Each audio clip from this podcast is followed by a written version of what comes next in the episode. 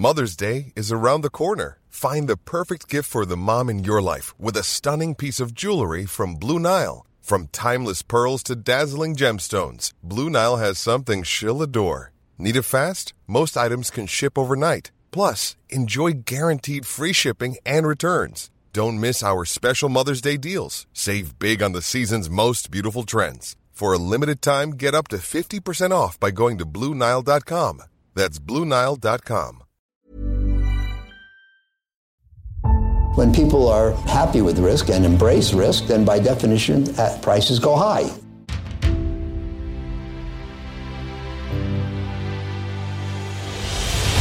When the cycle turns down, they generally sell at prices that are far too low. This is not about getting more information. We live in a world where we have too much data. I'm uh, happy to report another stable quarter. Hallå och välkomna tillbaka till Aktiesnack. Det här är en podd som görs i samarbete med Kalkyl. Och idag så har vi ingen, ingen mindre med oss än Twitterprofilen Jake Moore. Varmt välkommen Jake. Tack så mycket, kul att vara med. Som vanligt då så vill vi först försöka få fram ett litet personporträtt innan vi blir mer tekniska och då snackar mer investeringar. Så vem är Jake Moore som person? Yes, jag är i 35-årsåldern, eh, bor numera i Göteborg sedan ett par år tillbaka. Innan dess så bodde jag i Stockholm ett gäng år. Ehm, har två små, små grabbar som precis har gått och lagt sig här nu så att jag hoppas att, att de sover här under hela inspelningen. ja, jag väntar ju själv lite på det i sommar. Ja, men det är bra. Då är det bara att justera ner avkastningskravet rejält där Magnus. Um, så blir det när man, man skaffar barn. Utöver det så tycker jag det är väldigt kul och med sport och uh, Ja, det var en väldigt intressant intervju här efter landslagsmatchen igår. Eh, jag hoppas på att den här intervjun blir lite, lite lugnare och lite snällare. jag ska inte vara någon boja. skönt, skönt. Nej, men eh, utöver det så har jag ett eh, extremt, nästan osunt eh, stort intresse för börsen skulle jag nog påstå. Jag har funderat ganska mycket på vad det är med börsen som är så extremt Kul! Alla tycker ju inte det och det är nästan beroendeframkallande tycker jag i, i perioder. Men det är väl det att börsen bjuder alltid på överraskningar och, och man tror när man summerar varje år att allting redan har hänt men sen så lyckas det hända ännu sjukare saker kommande år. Så att det är väl eh, sport och eh, börs som jag tycker är liksom, det, det, är det roligaste att syssla med helt enkelt. Låter som vi har mycket gemensamt. Exakt. Har du någon bakgrund inom finans och i så fall vad har du gjort inom finans? Jag är utbildad civilekonom i, i grunden med inriktning eh, på finans. Då fick man ju lära sig mycket liksom, teoretiska saker som jag absolut inte har eh, nytta av i, idag. Så där. Sen så efter det så jobbade jag ungefär fem år på en av de större eh, revisionsbyråerna och eh, efter det så har jag hållit på med, med heltidsinvesterande nu då i, i ungefär sex år. Och eh, investeringsstrategi nu då, hur, hur är den för dig som gammal eh, revisionsbakgrund? Ja exakt, Nej, men den, är, den har ju blivit liksom eh, väldigt fundamental eh, just eh, på grund av det tror jag, min, min bakgrund liksom från, från revision och så. Och sen som den utvecklas ju också hela tiden. Nå något som är väldigt viktigt för mig är eh, värdering. Eh, så, så, att, så att det är väl det, det därifrån jag utgår egentligen. Sen så kan jag köpa aktier i, i de, de, flesta typer av bolag och så. Men det är väldigt liksom, viktigt att komma in på rätt nivåer. Det spelar liksom ingen roll vilket fint bolag du köper om du köper det för dyrt. Det är väl någonting jag jobbar väldigt mycket med. Att försöka förstå vad, vad det faktiska värdet eh, är i bolaget och, och se till att liksom, inte betala för mycket. Då kan jag passa på att ställa min favoritfråga. Hur eh, värderar du bolag? Är det DCF eller multipelvärdering? Varför inte DCF i så fall eller varför? Ja exakt, nej men jag eh, tycker att man ska försöka hålla det ganska enkelt. Jag har nog aldrig gjort någon DCF överhuvudtaget utan jag tror att ja, men när man har hållit på med börsen i, i 10-15 år så börjar man liksom få en liten magkänsla för vad saker och ting ska kosta. Det är ju en sak att räkna fram en, liksom en riktkurs i en DCF. Kommer kursen aldrig dit, då spelar det liksom ingen roll vad som står i, i den DCFen man behöver liksom ha lite mer förståelse tror jag för vad som är omtyckt för stunden och vad som uppskattas av fonder och marknaden och, och allt sånt där. Så det är nästan bättre att bilda sig en uppfattning nästan från magkänslan eller från rutin eh, snarare än, än att sitta och pilla i en DCF. Eh, men det är ju väldigt olika beroende på, alltså så här, det finns lika många investeringsstilar som det finns människor. Och jag tror att det är väldigt personligt också och det är väldigt svårt att, att efterapa någon annan. Så att så länge det funkar så får väl alla göra som man vill såklart. Men för mig så, så har jag inte valt det spåret. Vi har ju faktiskt pratat just om det innan, det vill säga multipelvärdering och fördelen i att din timeline också blir väldigt tydlig i och med att man, man slipper ju till exempel terminalvärdet som kan vara ganska konstigt och väldigt teoretiskt mm. när det kommer till DCFen. Eh, jag tycker det finns många fördelar med eh, multipel värdering kontra DCF. Det har vi pratat mycket om i podden tidigare. Exakt. Och hur ser en, eh, en normal arbetsdag ut för dig nu då, när du är heltidsinvesterare? Den ser väl ut som så att jag försöker komma igång eh, ganska tidigt eh, på dagen. Eh, ganska morgonpigg av mig så jag kommer upp, det hjälper barnen till mig också, att komma upp tidigt. Så att redan vid, vid sju, halv åtta så brukar jag nog sitta framför skärmarna och läsa ikapp lite grann vad, vad som har hänt under natten, lite grann hur börsen förväntas starta. Även lite, ja men speciellt när det är rapportsäsong och så, så finns det ju hur mycket som helst att läsa. Så att eh, det är väl det man gör fram till öppningen, sen så blir det en del, hel del handel första, första timmen, första timmarna. Och sen så blir det analys, analys igen kan man säga. Så att eh, det, det, är, det är väldigt mycket analys och mycket, ja men liksom leta efter information och skriva med, med andra investerare. Så att ja, det är fullt upp, man håller sig sysselsatt. Blandar du lite den här fundamentala analysen med lite trading då också eller kör du bara mer eh, long case? Det, det är framförallt eh, long case skulle jag säga men, men, samtidigt så är jag ju, jag sitter ju framför skärmarna liksom hela tiden så att eh, dyker det upp något läge det kommer något PM som jag tycker är intressant som inte marknaden reagerar på så är jag väl där och liksom köper också. Men grundstrategin är ju att hitta case som, eh, som jag ska hålla liksom mellan ja, allt från en månad kan man säga till, till flera år. Då. Och eh, du nämnde att du har hållit på med börsen i ungefär 10-15 år. Och då kan det vara intressant, tänker jag, att eh, du får förklara lite hur din process har förändrats över den tiden. Ja men i början var det väl alltså verkligen High Chaparral. alltså så. Det var, man köper väl det som var inne för stunden och hängde mycket på börssnack och liksom försökte lära mig och, och, och alltihopa. Sen så kom man ju in i, på universitetet och fick lära sig att det i princip inte gick att slå börsen. Så blev man väl lite påverkad av det kanske. Sen så förstod man att det visst gick. Sen så fick man lite mer kunskap om fundamental analys och så, så hittade sig en edge och sen så har man liksom utvecklat det där vidare. Så, och ehm, det är ju någonting man lär sig ju egentligen varje dag och det är ju det är ett hantverk eh, skulle jag påstå att, att handla aktier eller vara investerare. Så, så att det är Kanske ett konstverk. Kanske ett konstverk också. Hur gör du för att hitta inspiration till nya case och så då? Var, var letar du informationen mest när du sitter och analyserar? Nej men det är väl, eh, jag lyssnar väl på aktiesnack. Alla, alla andra poddar, det finns ju, det är också en extremt stor eh, skillnad mot eh, när jag började med aktier. Då var det ju nästan text-tv-nivå på det hela liksom. Man kunde ju typ inte få någon information eh, alls. Nu finns det ju hur mycket som helst. Eh, jättebra liksom, svenska utländska poddar. Ja, Quarter såklart för, för, för den biten och eh, liksom bra analys och så. Så det finns ju det finns ju hur mycket som helst samtidigt som man ska läsa kvartalsrapporter och årsredovisningar och eh, allt det där. Så att nu handlar det snarare om att försöka förstå vilken information som är viktig. Filtrera bort allt brus för att det, det, man riskerar ju att hamna där att man, man läser så mycket och man lyssnar på så mycket att allting bara blir brus e, egentligen. Att det är svårt att sortera fram vad som faktiskt är viktigt. Så det är väl det jag försöker jobba med nu. Sen så har det varit minst sagt händelserika år nu sedan 2020. Eh, hur har du upplevt den tiden som handlat på heltid och vad har du dragit för lärdomar där?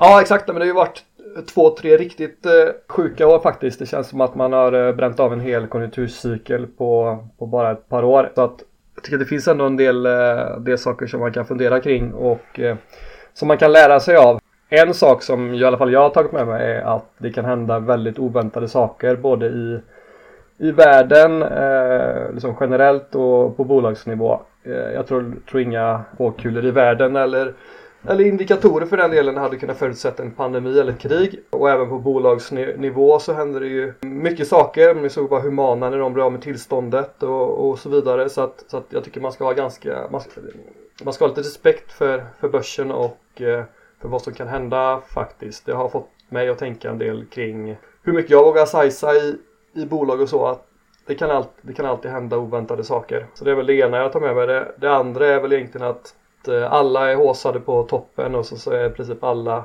bäsade på botten. När det egentligen borde vara tvärtom egentligen att eh, när det inte finns några moln på himlen alls då är det liksom dags att börja sälja aktier och nu kanske det blir värre eh, i den här lilla krisen som vi är i men, men eh, jag tror att det finns mycket, mycket bra lägen på börsen nu för den som orkar gräva. Det är ändå eh, väldigt mycket aktier som har kommit ner 50, 60, ja men till och med 90% i vissa fall så att eh, jag tror att det finns väldigt goda liksom, möjligheter att, att skapa bra avkastning härifrån.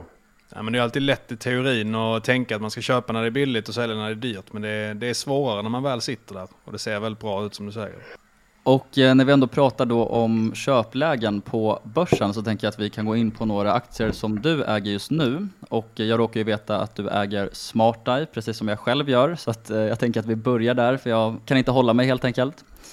Och bara så att alla hänger med på vad Smarta är för bolag så får du gärna dra en kort eh, hisspitch och även då förklara vad bolaget gör. Ja absolut. Nej men Smarta är ju eh, ett bolag som jag har följt sedan eh, sen noteringen och har väl liksom genom åren fått ganska bra koll på bolaget så och det har ju varit lite av en lite av en berg och dalbana får man väl ändå säga. Men om man ska dra lite kort vad bolaget gör då för de som inte känner till så är det ett mjukvarubolag som är främst inriktat mot bilindustrin och de är världsledande inom något som kallas för DMS, eh, Driver Monitoring System, vilket eh, man kanske kan översätta till förarövervakning. Och i korthet så går det ut på att man sätter in en kamera inne i kupén i bilen tillsammans med SmartEyes mjukvara som eh, övervakar föraren och eh, ser till att eh, ja, föraren inte håller på att somna eller bli distraherad eller liknande. Så det är liksom en ny form av säkerhetsfunktion som kommer implementeras i bilen här nu då framöver. Och så som jag ser på caset så är ju topline sannolikt ganska lätt att estimera och mig veterligen då så håller du med om det. Och kan du berätta lite då varför man kan estimera topline med ganska hög säkerhet i SmartEye? DMS då, det finns ju i princip inte i så många bilar alls eh, idag. Jag tror att det var ungefär 800 000 bilar under 2022 som, som eh, var utrustade med DMS och eh, över de, över de kommande åren här till 2026 så ska ju det öka till över 30 miljoner bilar. Och eh, det som driver den här stora snabba utvecklingen är ju framförallt eh, lagkrav och då är det framförallt i, i EU där alla, alla bilar som säljs eh, 2026 och framåt måste ha DMS. Och eftersom stora delar av, av de här upphandlingarna som sker inför att de här lagkraven kickar in är redan klara och att man vet att eh, Smarta kommer få en väldigt hög marknadsandel. Eh, de har ju som mål att, att det ska vara över 40% men jag tippar på att den kanske kommer bli uppåt 45-50%. Äh, men när man vet antalet bilar eh, med DMS per år och så vet man eh, SmartEyes eh, marknadsandel ungefär och så kan man ha en uppfattning om vad eh, priset per, per bil eh, genererar intäkt och då får man en hyfsad bild över över hur, intäkts, hur intäkterna kommer liksom komma in kommande år. Sen så kan man ju inte veta med 100% säkerhet men, men man, har, man har en hyfsad bild i alla fall hur det kommer rampas upp och det kommer bli en eh, extremt stor upprampning här nu kommande år.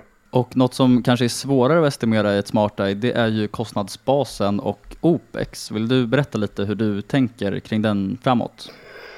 Ja exakt, jag tror att en grej som är väldigt viktigt att förstå i, i det här caset det är att det kostar väldigt mycket för aktörerna inom den här industrin att vara med i upphandlingar. Alltså bilbranschen är extremt noga med att, eh, att eh, ja, göra upphandlingarna på ett, på ett bra sätt så att man tar in rätt aktör och att man testar dem eh, liksom fram och tillbaka ordentligt. Så att det driver extremt mycket kostnader. Och det var det som drev kostnaderna 2022 eh, tillsammans med att även, även när man vinner mycket affärer som Smarta har gjort så kostar det också mycket att implementera de här systemen i, i de första bilarna. Så det har också drivit kostnaderna. Så att eh, under 20, 2022 så gick kostnaderna upp väldigt mycket. Och eh, det var en sak som oroade mig med caset under 2022. Men nu har de gått ut och sagt där att eh, under 2023 så ska kostnaderna till och med minska eh, lite. Det var ett orosmoln från förra året som jag tycker att eh, som man kan lägga bakom sig lite grann här nu eh, faktiskt, vilket, vilket är skönt då.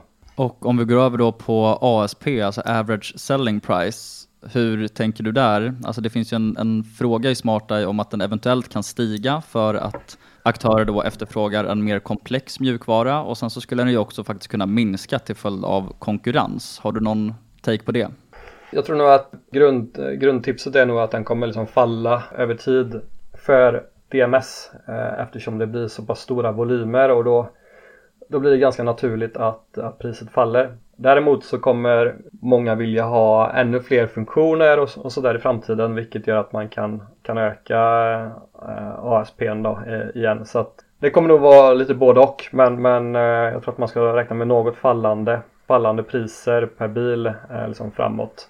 Men som sagt det är ju för själva DMS-affären. Eh, det fina är att nu när du får in en kamera i en bil så då vill ju man använda den kameran till så mycket som möjligt. Och där kommer ju eh, SmartEyes förvärv in i bilden som gör att man kan utveckla affären vilket de kallar för interior sensing. Så att då kan man ju övervaka, övervaka hela kupén istället och, och eh, få in massor med andra funktioner man kan se. Till exempel att inte, eh, att säkerhetsbältena sitter fast som de ska, vilka som sitter i bilen. Eh, sitter du, du i bilen Peter så kan man anpassa alla alla funktioner efter det och sen så eh, sitter någon annan så anpassar man efter, efter den personen. Och eh, även man, man, man kan hålla koll på så att man inte glömmer kvar någon, någon hund eller någon dator eller någon, något barn eller så också. Så att det här kommer utvecklas hela tiden och det är det också som Smarta gör. Så att, eh, den biten kommer ju, kommer ju ge en betydligt högre ASP än, än bara ren och skär DMS så att säga. Jag hade faktiskt kontakt med management häromdagen och då ställde jag den frågan, det vill säga kopplat till ASP och hur den kommer utvecklas. Och då fick jag svaret att precis som du svarade nu då, att på ett sätt så stiger det till följd av att mjukvaran blir mer komplex och att eh, aktörer då efterfrågar mer komponenter i mjukvaran.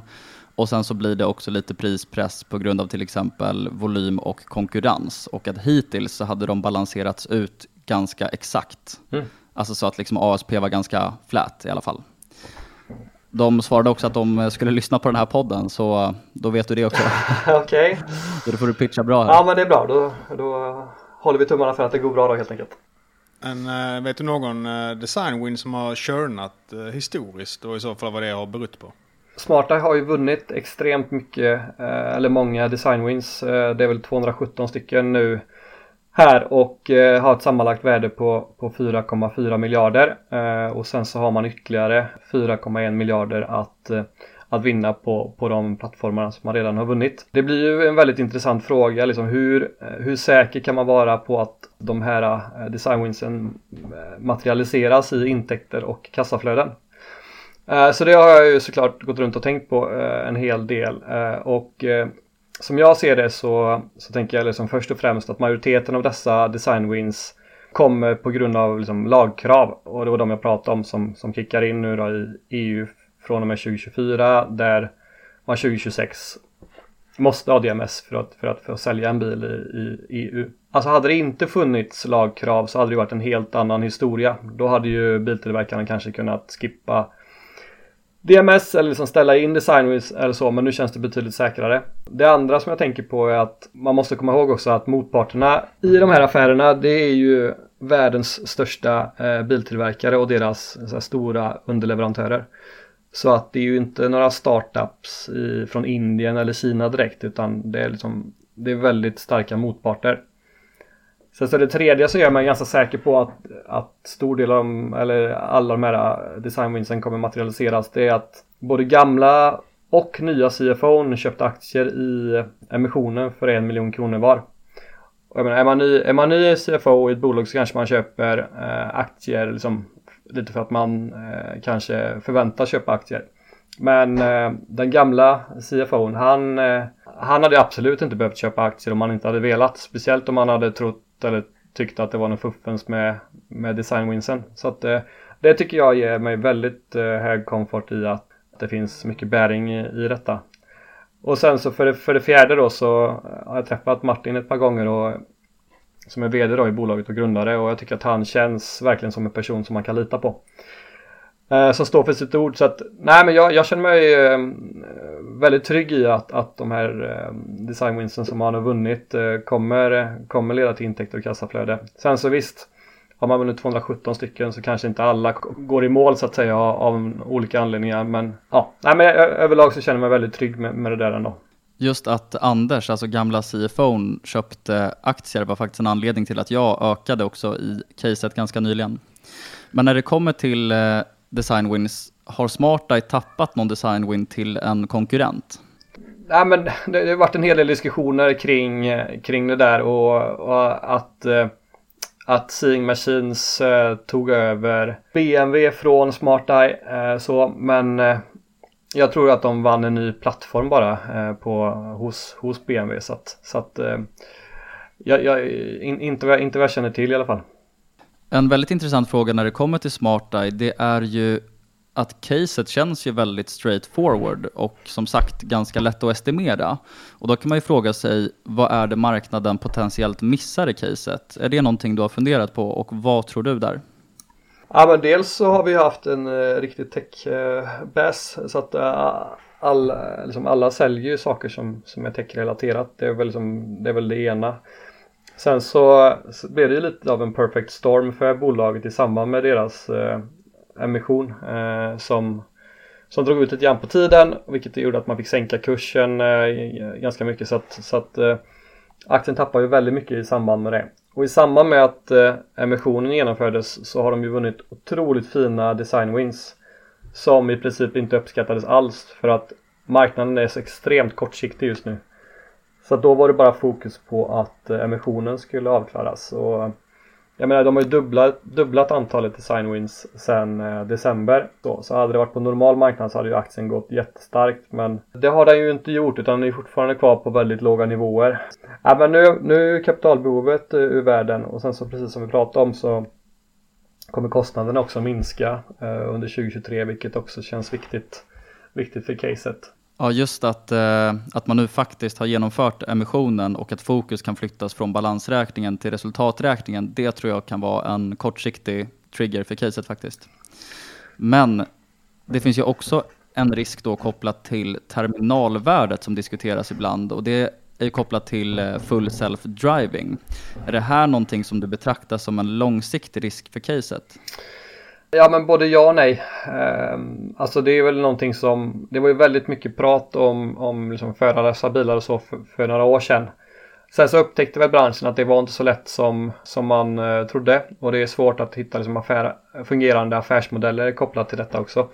Jag, jag läste att Ford och Volkswagen la ner något uh, projekt, gemensamt projekt bara förra veckan. Så att uh, Nej, jag tror att det kommer, det kommer dröja säkert 15 eh, år skulle jag tro in, innan det här kommer på bred, bred front och liksom, då har nog det här bolaget utvecklat sig liksom, eh, flera gånger om innan tror jag. Så att, eh, nej, alltså det, det på, på, på jättelång sikt så är det lite hot men, men jag tycker ändå att man kan den risken tycker jag har minskat rejält här nu när man ser hur, hur, det, hur det går med förarlösa bilar och sånt. Och vad skissar du på för potentiell avkastning i SmartEye och under vilken tidsperiod?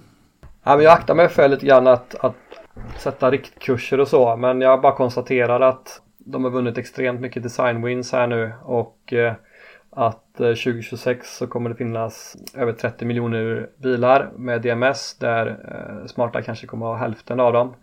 Så jag såg att Redeye släppte en väldigt bra update här igår och de skissar ju på rörelseresultat eh, över 500 millar eh, 2026 redan.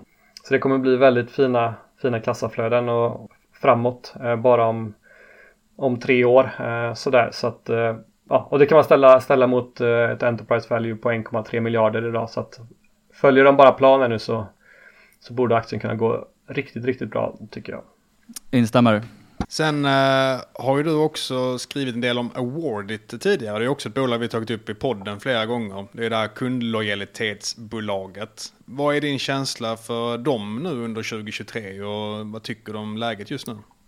Ja exakt. Nej, men Awardit eh, är väl egentligen ett eh, mer typiskt case för mig. Uh, överlag så är jag inget större fan av förhoppningsbolag så att Smarta är väl lite undantaget som bekräftar regeln där för jag tycker det är så pass intressant. Men annars så är väl Awardit någon slags mall egentligen för vad jag gillar hos eh, bolag som jag investerar i. Eh, de är liksom klara marknadsledare i, i Norden och eh, jag upplever att det är relativt eh, låg konkurrens. De har köpt upp eh, flera av deras eh, största konkurrenter historiskt. De har en billig värdering tycker jag på 9 till 10 gånger ebita på 2023 års eh, vinster. Fantastiskt fin eh, historik och bra tillväxt, bra eh, liksom, okej okay lönsamhet.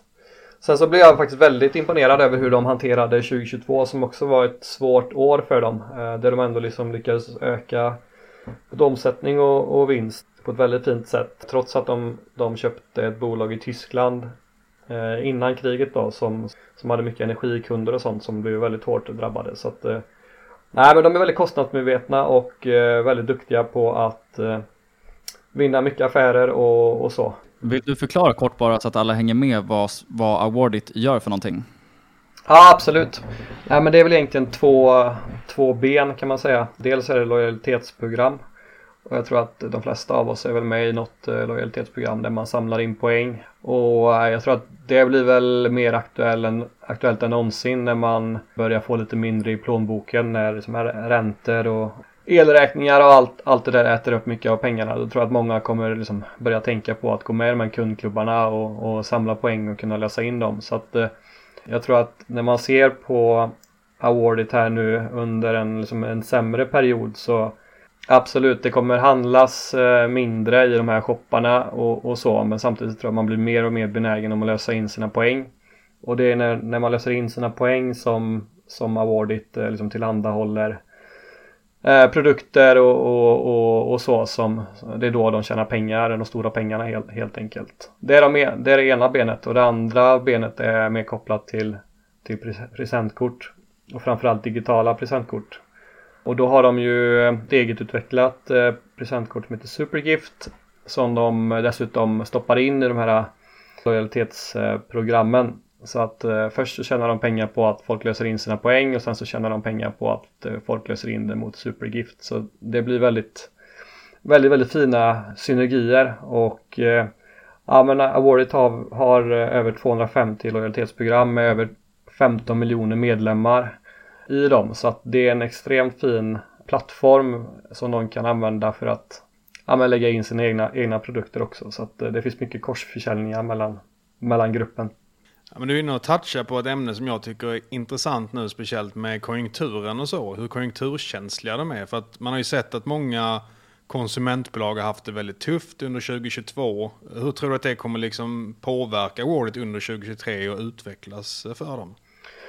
Nej men det, det var väl lite det jag eh, var inne på men, men alltså det är klart att Alltså kommer det en lågkonjunktur så kommer den påverka awardet också. Det, det, tror jag definitivt. Samtidigt så Alltså det är bara att kolla på, på det som händer nu inom eh, livsmedelsindustrin med ICA och Coop och så. Skulle man under de här perioderna, nu har de i och för sig, det blir väl lite tvärtom eftersom de tjänar mycket pengar men, men eh, om vi tar någon som har det lite tuffare nu då. Eh, skulle man dessutom klippa alltså göra sig av med sitt lojalitetsprogram då, då, då, då klipper man ju relationen med liksom alla sina kunder. Det, är liksom, det, det, tror jag att det är det sista man vill göra i, i det läget. Så att, det är lite olika delar i det där. Jag tror att vissa, alltså, vissa delar är lite positiva. Att, eh, att folk kommer lösa in mer poäng och, och vara mer benägna om att gå med i lojalitetsprogrammet. Samtidigt så det är klart att om, om det köps mindre saker från deras kunder så, så blir det lite färre poäng också. Så att.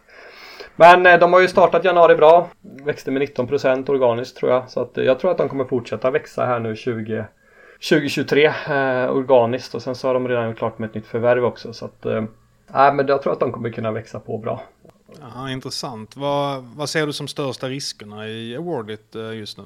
För att vara ett förvärvande bolag så är ändå riskerna relativt små skulle jag säga. Trots att de har gjort 10 förvärv så har de i princip, eh, ja men de har väl till och med lite nettokassa nu tror jag. Sen så de har ju verkat inom lojalitetsprogram och eh, gift cards eh, under en väldigt lång period. Så att det de köper, till skillnad från många andra liksom, som har förvärvat väldigt mycket så har de ju stenkoll på vad de köper och, och kan få mycket synergier eh, och så. Så att eh, jag, eh, det hade ju kunnat, men, men det är klart att det kan ju alltid, det kan ju alltid, alltså förvärv kan ju alltid ställa till det.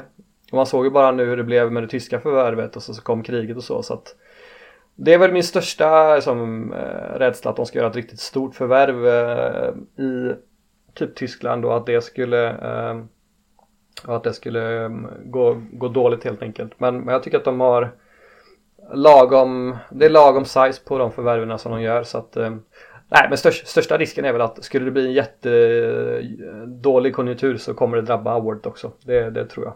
Det, det, får, det, får, det får bolag som kommer undan det tror jag. Och ett annat bolag som vi också har pratat om i podden tidigare, det är EQL Pharma. Och då tänkte jag att eh, du ska få dra investment-caset här. Ja, exakt. Ja, men jag har köpt lite aktier i, i ett eh, bolag som heter EQL eh, Pharma då. Och det här är ju jag brukar inte köpa aktier i den här typen av bolag egentligen men, men eh, det finns ett litet börsgeni på, på Twitter som heter Leap Invest som har tjatat mycket på mig att det här måste du kolla på. Så till slut så gjorde jag det och så förstod jag att det, liksom, det hade ingenting med olika faser att göra utan de, eh, de tillverkar eh, generika som man kan eh, ta fram eh, efter att originalläkemedlet har förlorat sitt patentskydd så, så, så kan man antingen inlicensera det eller, eller utveckla det själv så. Så att eh, det är väl ganska straight forward för att vara i den branschen upplever jag det som. Även fall jag vill verkligen liksom lägga full disclosure för att det här är verkligen inget eh, Inget som jag kan utan och innan och det är en liten position och, och allt det där. Men det finns, eh, det finns väldigt eh, trevliga delar i det här caset eh, måste jag säga om man kollar på lite övergripande nivå. Dels så är det ju Christer Foreus som har grundat det, som också var med och grundade Cellavision. Ja, men han är ju en serieentreprenör och sitter nu som ordförande. Det känns som att de har fått tag i en väldigt duktig VD nu när de gjorde VD-skiftet här nu eh, 2022 som har eh, aktier för ungefär 10 miljoner. Extremt högt insiderägande i bolaget på runt eh, 60% och till skillnad från de flesta andra bolag som, som jag sa då, som påverkas av en sämre konjunktur så tror jag att mediciner och läkemedel och så det behöver man ju eh, äta liksom, oavsett konjunktur så jag tror inte att de är speciellt konjunkturkänsliga.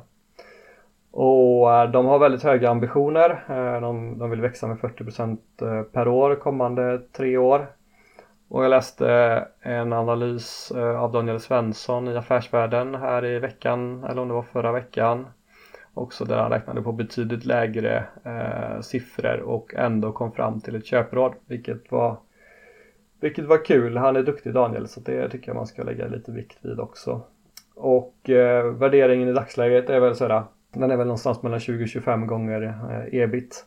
Men lyckas de växa i den här takten och även få lite marginalexpansion så, så kan det snabbt bli ganska eh, billigt tänker jag mig givet alla de här grejerna så, så tänker jag också att det kan bli lite av en förvaltar-darling vilket man inte ska underskatta eh, och det, det lappas ju en hel del det går ju en hel del block och så i aktien också så att det är väl en del fonder som håller på att ta plats här nu misstänker jag.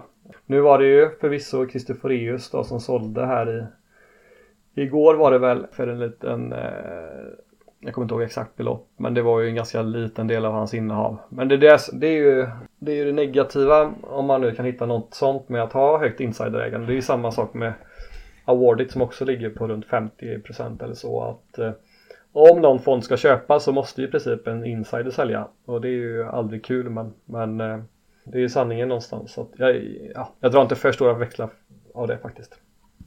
Precis, och det viktiga där det blir ju egentligen den procentuella andelen som säljs och inte det som säljs i absoluta tal skulle jag säga. Även om det nu var faktiskt ganska mycket i absoluta tal. Jag tror att det var 10 miljoner.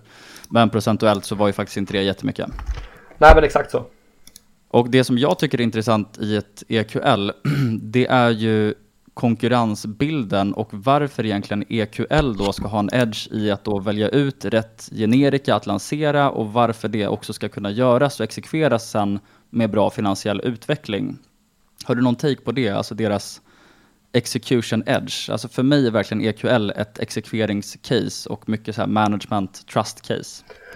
Ja men jag håller med, jag håller med. Och då, då är det ju väldigt bra att ha en sån som Christer Freus eh, vid rodet någonstans och även som sagt eh, Axel eh, som är nya vdn verkar också väldigt eh, skärpt.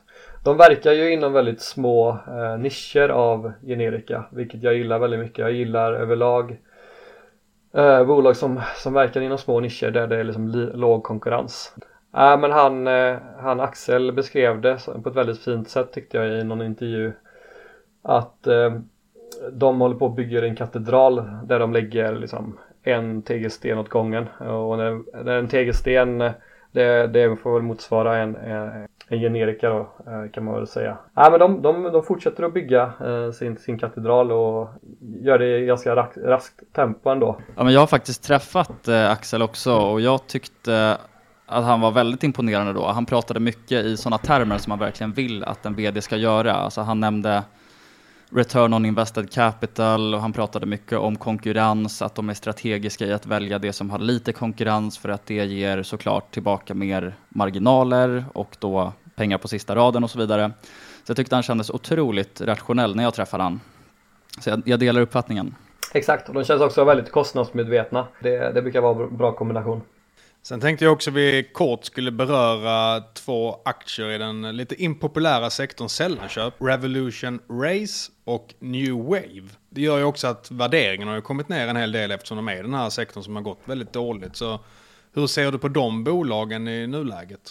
Det kommer ju vara väldigt tufft för de här eh, bolagen som har hög exponering mot konsumenter. Eh, så där, det är väl liksom stora penseldraget. Men samtidigt så har aktierna också gått väldigt svagt eh, och jag tror nog att någon gång under året, det kanske är lite tidigt redan nu, men kommer det nog ges väldigt fina lägen i den här typen av aktier.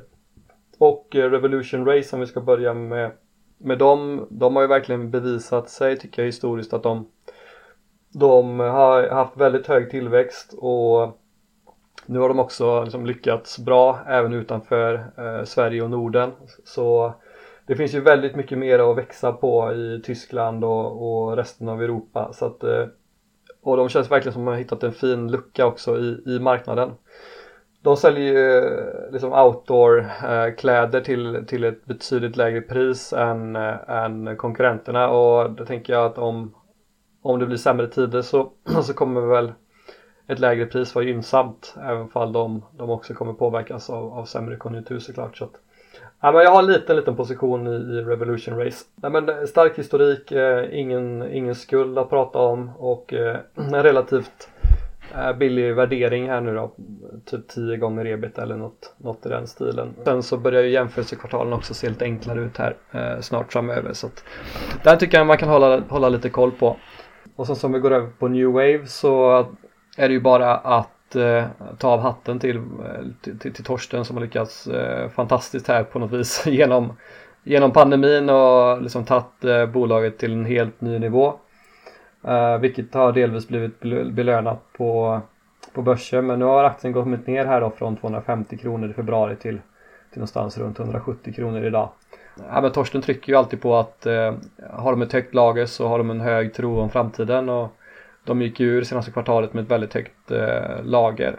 Eh, sådär, så att, eh, och han har, han har ju också varit med i en hel del intervjuer här nu senaste. Och eh, känns som att han har ett gott självförtroende Torsten. Nej men den tycker jag väl också är intressant eh, att hålla koll på. Liksom två, två fina bolag tycker jag i, i den här sektorn. Som inte är speciellt dyra men men eh, man ska nog vara beredd på att det kan, eh, det kan bli lite halvskakigt liksom på vägen. Men men eh, så är det på börsen. Man måste våga, eh, man måste våga ta lite risk för att, för att få lite avkastning också ibland. Så är det. Men eh, intressant också det här med att lågprissegment, även om det är i sällanköp, kan ju gå bättre när det, när det blir svagare konjunktur relativt de andra bolagen framförallt. Och sen så är min tanke också att ett sånt bolag som exempelvis Byggmax har kanske inte lika starka varumärken medan Revolution Race är ett starkt brand i sig. Är det någonting du tänker kommer göra att de kan hålla emot även i svagare tider? Ja, eh, eh, kanske. Samtidigt så finns det väl också lite av en kanske moderisk i det där att Ah, nej men det var väldigt kul med Revolution Race-kläder ett tag men nu eh, har man tröttnat lite grann på dem. Då vill man ha något, något annat märke. Så det är, väl, det är väl den största risken jag ser. Men eh, det är det som är det fina att de lyckas på fler marknader. Så att de inte bara är ett, ett, ett lokalt bolag. Liksom så. så att, eh, nej men jag tycker att de borde väl de borde väl eh, gynnas eh, kan man tycka kontra konkurrenterna i alla fall. Och innan vi avslutar så har vi några frågor då som eh, de flesta gästerna får svara på. Och den första är då, vad har du för kunskap idag om investeringar och aktiemarknaden som du önskar att du hade när du började investera? Det här har vi redan touchat lite på, men du kanske har något annat att, att bjuda på när jag ställer frågan annorlunda? Den största lärdomen har, har väl egentligen varit att, att man, eh, man ska liksom i största möjliga mån undvika förhoppningsbolag. Det tror jag att då kommer man då kommer man sova bättre på nätterna och man kommer få en bättre avkastning på, på sikt. Liksom så. Det, det finns så mycket krafter som verkar emot förhoppningsbolag och eh, så. så att, eh, det är bättre att äga bolag som, som växer och som gör det lönsamt och har en, eh, en relativt låg, låg värdering också. Då, då kommer det gå bra. Oftast. Och sen så brukar vi alltid fråga ett tips till nybörjare och eh, mer erfaren investerare. Och du har ju touchat rätt mycket på nybörjare förmodligen med tanke på förhoppningsbolag som nog är det som nästan alla investerare då som de borde undvika. Men om du ska ha tips till lite mer erfarna investerare, vad hade du sagt då? Men någonting jag utvecklat eller någonting som jag lagt mer tid på, på, på senare år är väl liksom, ja, balansräkning, kassaflödesanalysen och, och eh, noterna. Noterna är faktiskt eh, underskattad materia. Det låter extremt tråkigt om man pratar om noter i, liksom, eh, så. Eh, men eh, det finns ganska mycket intressant information där ofta som, som jag tror kanske inte alla hittar. Ja, men jag håller med, speciellt ju mer komplicerat bolaget är ju mer ger ofta noterna också. För det kan dölja sig rätt mycket där, speciellt i förvärvsbolag och liknande. Mm, exakt. Och eh, sista frågan, det blir en chansning. Det är inte alla som vill svara på det här av rimliga skäl ska jag säga.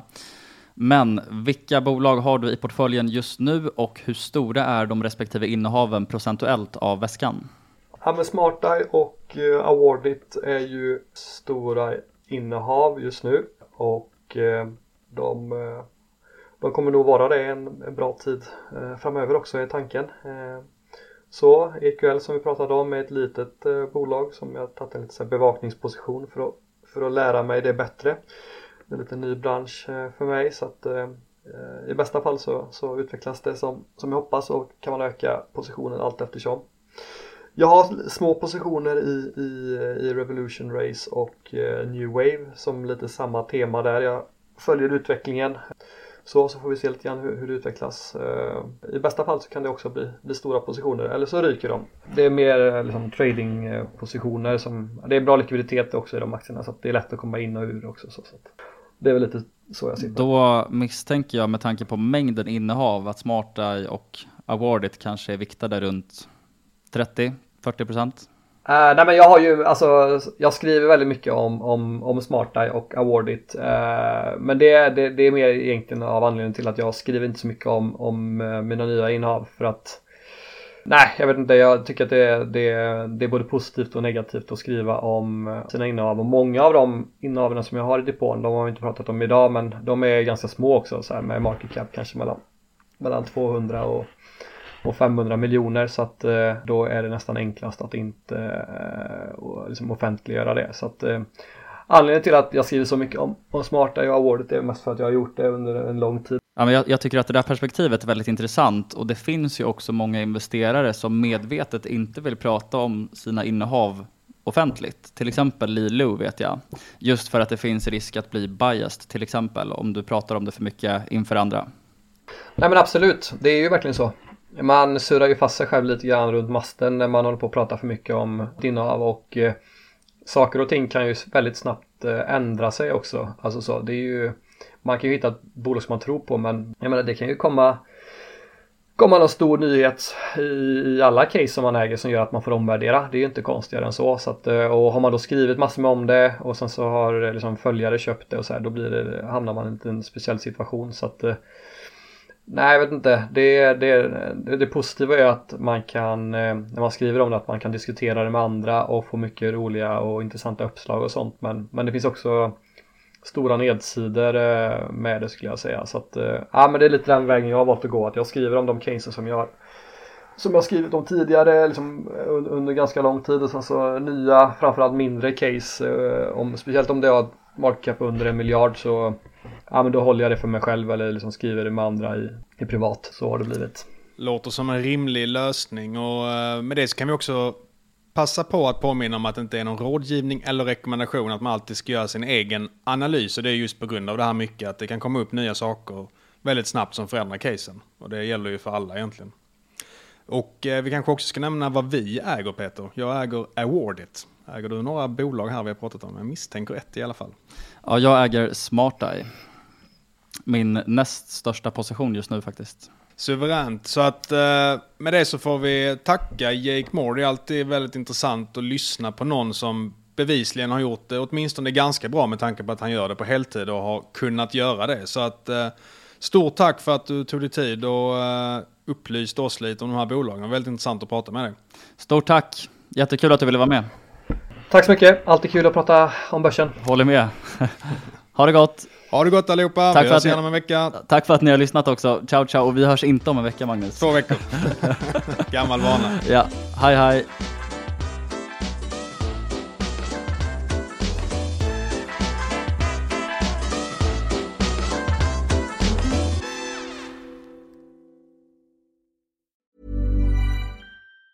Hi, I'm Daniel, founder of Pretty Litter. Did you know cats tend to hide symptoms of sickness and pain? I learned this the hard way after losing my cat, Gingy. So I created Pretty Litter, a health monitoring litter that helps detect early signs of illness by changing colors, saving you money and potentially your cat's life. Pretty Litter is veterinarian developed, and it's the easiest way to keep tabs on your fur baby's health right at home. Go to prettylitter.com and use code ACAST for 20% off your first order and a free cat toy. Terms and conditions apply. See site for details.